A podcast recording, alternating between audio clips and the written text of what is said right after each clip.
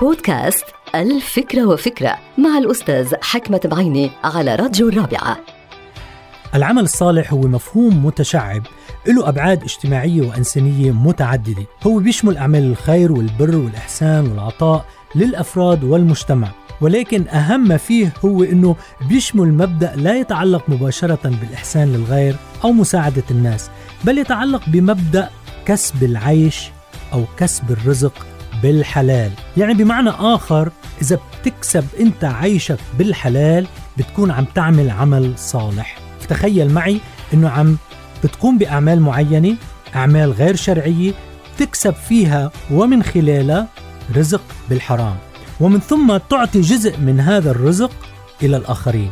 يعني بتقوم بأعمال صالحة ولكن من مال غير صالح.